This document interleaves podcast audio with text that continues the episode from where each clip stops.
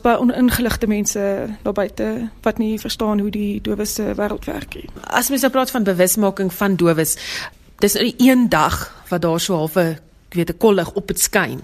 Maar wat kan mense doen oor die algemeen om half julle in ag te neem? Soos ek sê, daar is baie oningeligte mense dat hulle ook maar net kan bewus word dat baie mense skrik maar as hulle na die dowes kyk of hoor of sien of so. So net om hulle ook herinner dat dowes is normaal. Hulle kan enigiets doen, maar soos ek sê behalwe hoor. Is daar spesifieke goed waar jy te nagekom word omdat jy doof is? Ja, baie mense hanteer ons maar baie anders en so en hulle weet nou nie hoe om te praat of te kommunikeer met ons nie.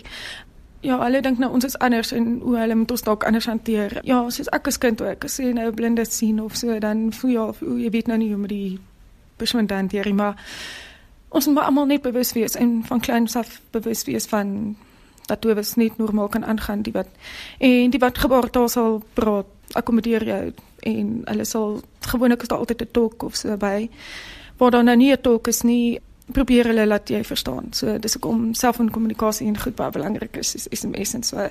Ja, want daar is altyd kommunikasie. Mens moet nie die weg vind daarvan. Dink jy?